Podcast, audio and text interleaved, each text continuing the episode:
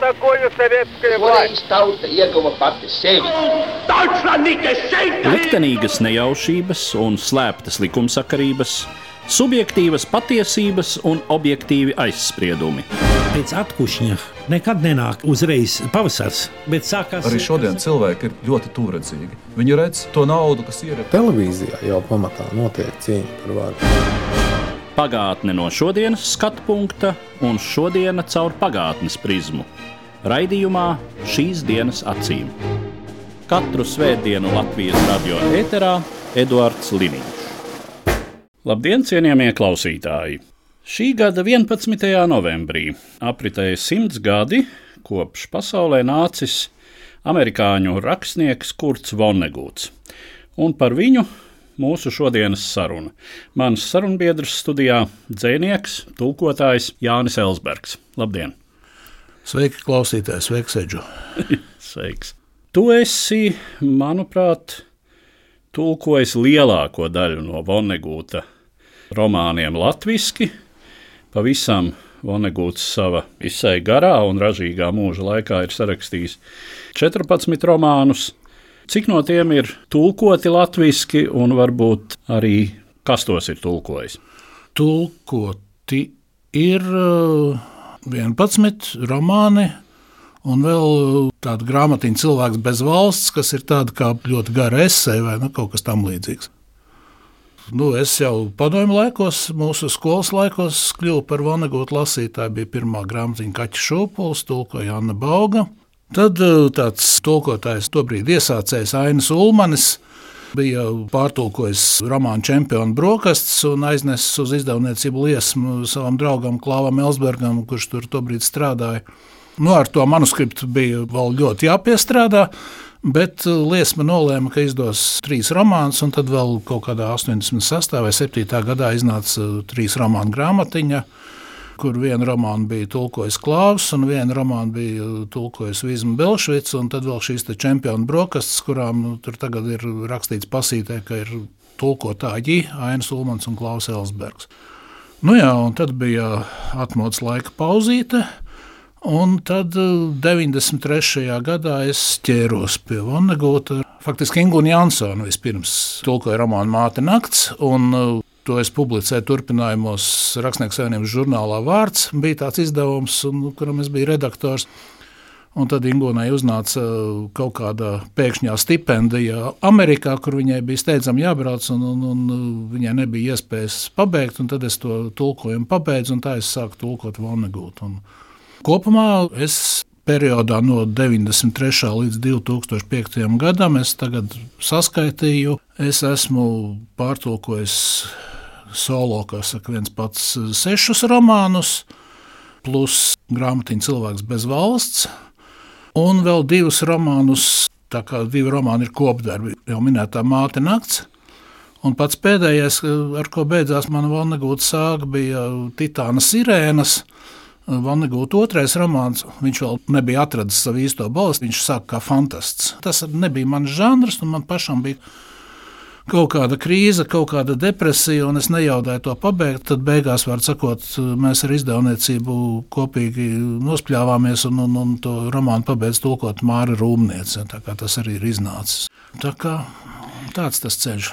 Manuprāt, latviešu ir izdots viss būtiskais, ko Vonneguts ir uzrakstījis. Par romānu līniju, jā, izņemot pirmo. Pirmais, jebkurā gadījumā, ir, lai pilnībā iepazītu autoru, it kā būtu jāsāk ar pirmo. Nu, pirmā nav, jo nu, tā ir tāda tīra fantastika. Un nav izdot, es neatceros, cik viņam kādu divu laikam stāstu krājumu ir. Un vēl pāris grāmatas, kur ir tādi publicistiski un autobiogrāfiski krikumi, tāds šis un tas. Arī pēcnāvis, kur notika tāda kā rakstnieka atvilktnes tīrīšana un kaut kāda kompilēšana. Un tā. Bet nu, romāni ir, atskaitot pirmo, ir visi.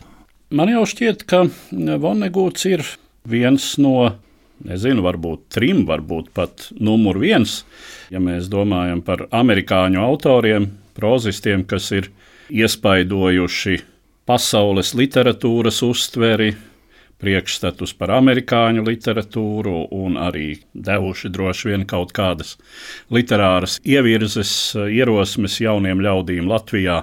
Ne tikai Latvijā, vispār arī Valnigots pats kaut kur bija to minējis ar tādu zināmu izbrīnu. Tas man liekas arī diezgan likumsakarīgi, ka viņa popularitāte vislielākā ir tieši Austrumē Eiropā. Un tieši veidojusies tajos vēl totalitārisma gados, kad tas viņa melnais humors un visa realitātes tāda kā segmentēšana, sadalīšana it kā nenozīmīgos sīkumos. Nu, arī tas protokoliskais rakstības veids, kur viņš tā kā reportieris raksta, bet raksta kaut kādas pilnīgi dīvainas lietas par pilnīgi dīvainiem cilvēkiem. Un, un tas, man liekas, palīdzēja savulaik Austrum Eiropā vēl agrīnajos, nu, 90. vēl diezgan trūcīgos gados. Kaut kā tikt galā ar šo realitāti, ar depresiju, ar nespēju tikt ar visu to lērumu, kas pār cilvēku gāžās. Tad, nu, Vannegots apvienoja tādu kā, kā nu, attieksmi, ka tas viss nav jāuztver īsti nopietni. Un arī to, ka liekas, viņa tāds vadmotīvs ir, ka nu, viņš pārsvarā raksta par visādiem ļoti dīvainiem cilvēkiem. Romāna centrā mēdz būt tādi ļoti ekscentriski cilvēki. Un, un ar viņiem notiek visādas dīvainas lietas, bet cilvēki ir pelnījuši līdzjūtību, saprāšanu. Nu, Un pat ja nesaprašana, tad pieņemšana, nu, ka katrs drīkst būt tieši tik traks, cik viņš ir. Un tas ļoti ir pievilcis. Ir īpaši jauns ļaudis, kas meklē pēc savu ceļu dzīvē un pēc kaut kāda savu dzīves uzstādījuma. Tā. Jā, tāda tolerance ir viens no viņa vadmotīviem. Man kopš lasīšanas jau pirms vairāk nekā 30 gadiem prātā viens tas fragmentiņš, tas bija no Lopkautos numur 5, kur tie citplanētieši skaidro Bilijam Piligrīmam, ka vispār uz Zemes ir seši dzimumi. Jā, nevis divi. Manuprāt, ar mūsdienām tieši šobrīd ļoti labi rezonē. nu, jā.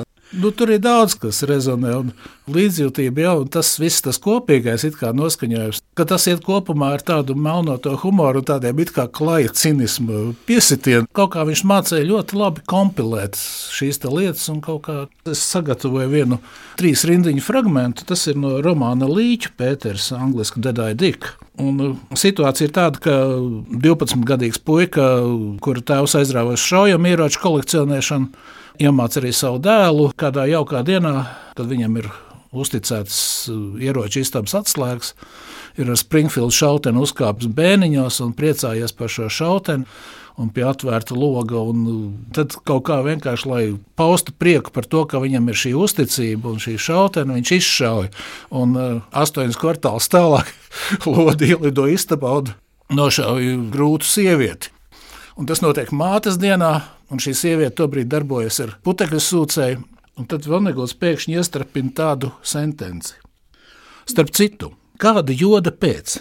Grūtai divu bērnu mātei tieši mātes dienā jādarbojas ar putekļu sūcēju. Tā taču ir gandrīz vai uzprasīšanās pēc lodes starp acīm. No nu, šausmīgi. Nu, tas iet kopā ar to milzīgo humanismu un līdzjūtību, tie kontrasti. Nu. Nu, jā, absolūti, kā lai saka, neizbēgami pamanāma ironija, kas tā kā lodas starp acīm. Jā. Ja par pašu Vanegūtu likteni runā, tad, protams, tas viņam ir bijis ļoti labvēlīgs, lai viņš iegūtu tieši tādu rakstīšanas stilu, kāds viņam bija. Jo nu, viņš ir piedzīvojis pats personiski teju visas tās zināmākās 20. gadsimta kataklizmas, viņa ģimene, vecāku ģimene praktiski izput lielajā depresijā nu, vai katrā ziņā krietni zaudē. Līdz tam viņi ir tā kā elite, var teikt, tādi pārtikuši ļaudis, pēc tam sākās grūtības. Protams, relatīvas bādu viņi necieš, bet kurts atšķirībā no vecākiem brāļiem ir spiests mācīties publiskajā skolā. Tātad valsts mācību iestādē, nevis privātā, kas droši vien būtu labāk. Nu, tur ir vecākiem ir problēmas un depresijas, un tas viss arī noslēdzas vienā brīdī ar viņu mātes pašnāvību. Nu, un tad jā, iesaukšana Savienoto Valstu armijā Otrā pasaules karā. Tātad Ardēnos viņš 44. gada beigās krīt Vācu gūstā, zināmajā pēdējā Vācu uzbrukumā Rietumu frontē, un nonāk Dresdenē. Tieši uz to brīdi, kad sabiedroto aviācija to pilsētu nolīdzina praktiski līdz ar zemi, ko viņš arī apraksta Lopkautuvē numur 5 ko vairāk var vēlēties viens literāts, tā sacīt, iedvesmai visam atlikušajam mūžam. Nu jā, palika dzīves.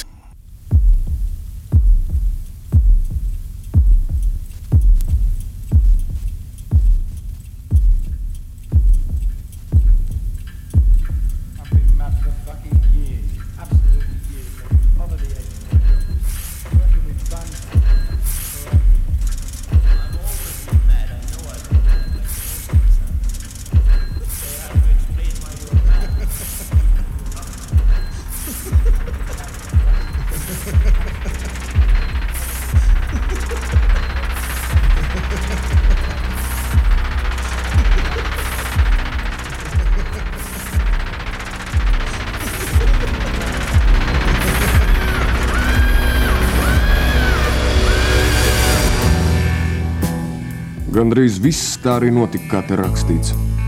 Katrā gadījumā par karu tikpat kā nav melots. Kad es pārnācu no otrā pasaules kara, man šķita, ka būs pavisam viegli uzrakstīt grāmatu par Dresdenes sagraušanu. Jo es taču biju to redzējis pats savām acīm. Bet toreiz man pietrūka vārdu par Dresdeni. Vismaz grāmatai to katrā gadījumā bija par maz. Es visu laiku domāju, cik nevajadzīgs būtībā ir mans atmiņas par Dresdeni, un cik vilinoši tomēr būtu uzrakstīt par Dresdeni. Visus šos gadus, kad man jautāja, pie kā es strādāju, es parasti atbildēju, ka mans galvenais darbs ir grāmata par Dresdeni.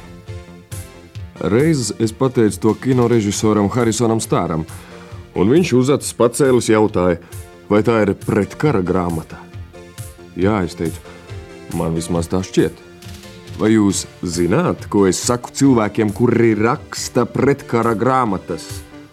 Nezinu gan, ko tad jūs viņiem sakāt, Harisons Stār. Es viņiem prasu, kāpēc jums labāk neuzrakstīt pretšļūdoņa grāmatu?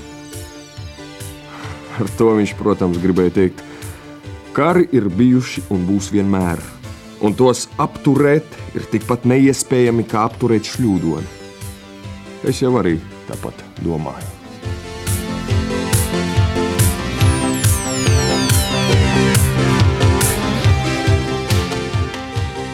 Un ja arī kari nenāktu mums virsū gluži kā šļūdoņi, uz zemes tomēr paliktu tā pati vecā, labā nāvīte.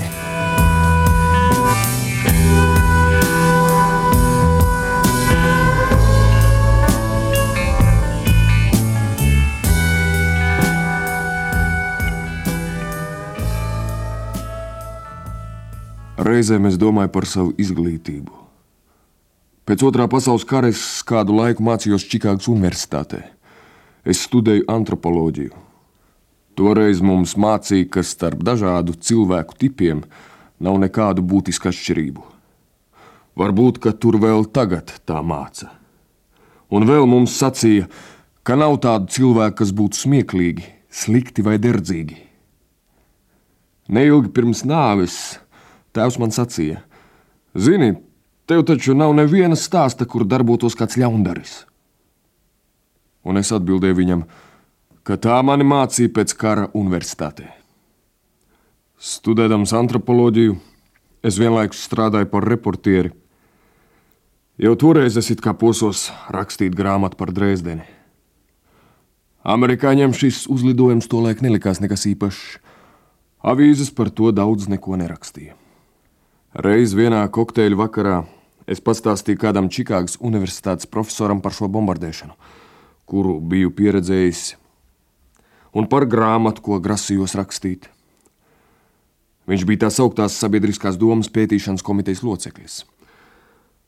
Un viņš sāk man stāstīt par koncentrācijas nometnēm un par to, kā vācieši vārījuši ziepes un sveces no nobendēto ebreju taukiem un visādas tādas būšanas. Un es uz to spēju atbildēt tikai es zinu. Es zinu, es zinu!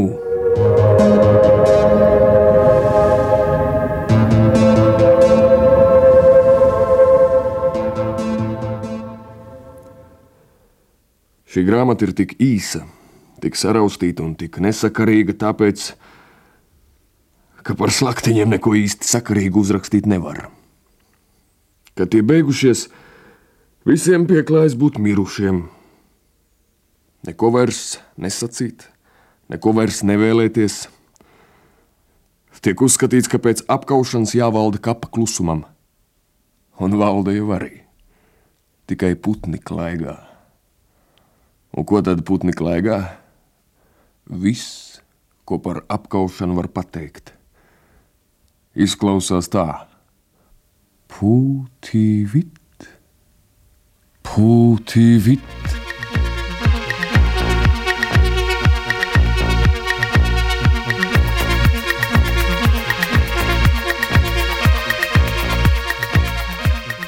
Esmu pieteicis saviem dēliem, ka viņi nedrīkst piedalīties cilvēku apkaušanā. lai tas būtu kā būdams, un ka ziņas par ienaidnieku apkaušanu nedrīkst viņos modināt prieku vai apmierinājumu. Un vēl es viņiem esmu pieteicis nestrādāt uzņēmumos, kur ražo nāvēšanas ieročus, un izturēties ar riebumu pret cilvēkiem, kas uzskata, ka ieroči mums nepieciešami.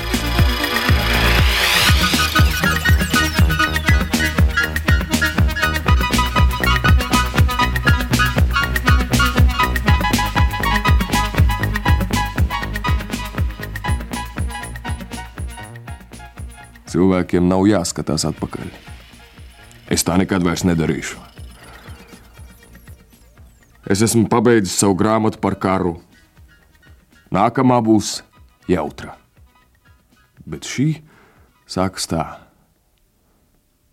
Klausieties, Billijs Pilgrims klejo pa laiku. Un beidzas tā. Putīvit.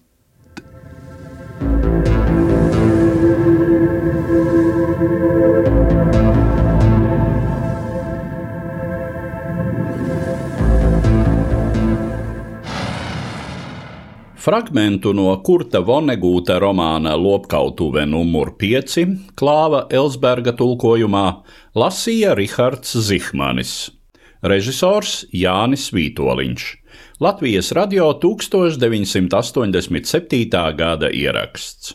Mans sarunbiedrs šodienas studijā - dzēnieks un tulkotājs Jānis Elsbergs. Es to gribēju izteikt pateicību, jo es 17 gadus nebiju neko no viņa pārlasījis. Toreiz man tiešām bija, es biju daudz ar viņu strādājis, man bija tā kā apnicis, un vienkārši sākās kaut kā cita ēra. Un, es tagad lasu, un es jūtu, ka jā, man jau sen to vajadzēja. Un arī tas, ka par karu viņš daudz raksta, es burtiski uzdūros šī paša līķa Pētera pēdējiem teikumam, pēdējām divām rindiņām. Vai gribat ko zināt? Mēs joprojām dzīvojam tumšajos viduslaikos. Tumšie viduslaiki tie vēl nav beigušies.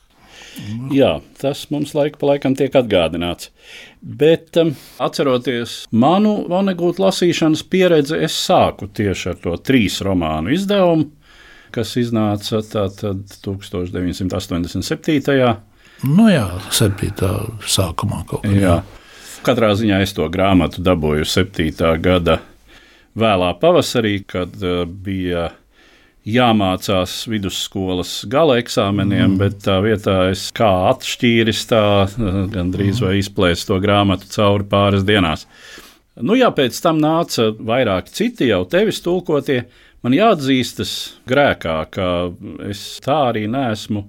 Un arī uz šodienu nepaspēju izlasīt kaķa šūpuli, ko viņš pats, starp citu, laikam uzskatīja par savu labāko romānu, un uh, kas arī pirmais tika iztulkots, kā tu jau teici, un bija tas pirmais ievilcējs latviešu lasītājiem, iepazīstot Vonegūtu.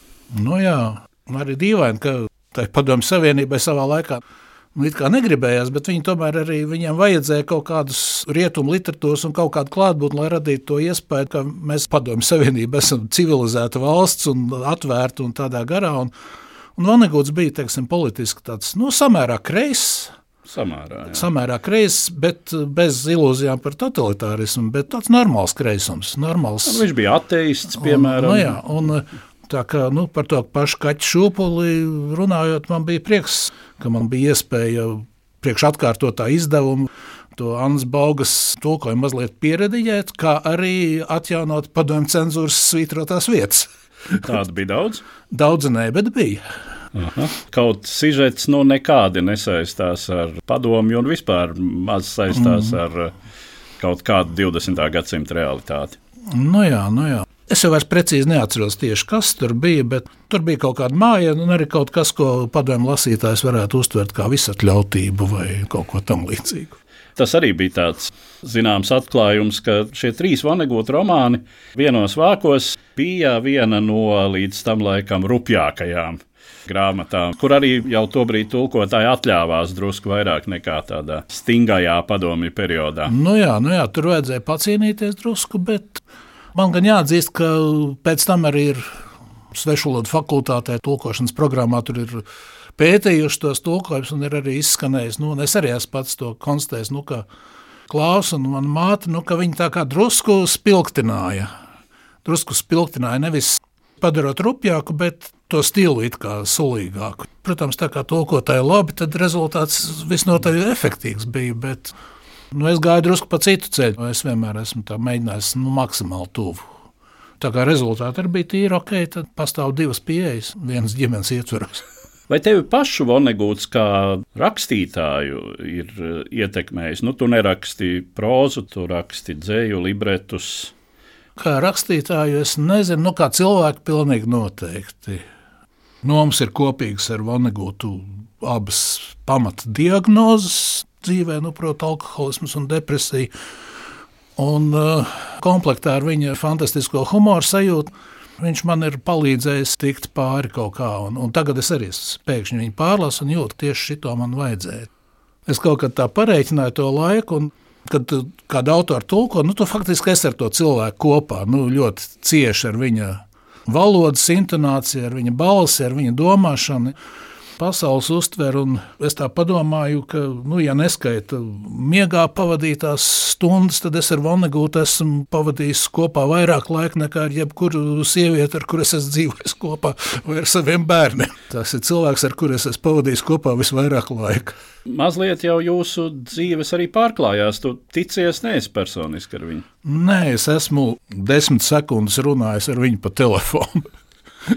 kad es biju aizsūtījis nu, tā paša Rakstnieku savienības žurnāla vajadzībām viņam vēstuli ar lūgumu pēc atļaujas. Un tā bija viena no manām pirmajām darba dienām Rakstnieku savienībā. Un, un rīts, un pēkšņi sāk pīkstēt tas faks aparāts. Es nekad nebiju rīkojies ar faks aparātu, nezināju, kas tur jāspiež. Tad es pacēlu klausulu un teicu, ja, hello! Hi, this is Kurt Vonnegut speaking. I just want to send the facts. un, ah, e, ok.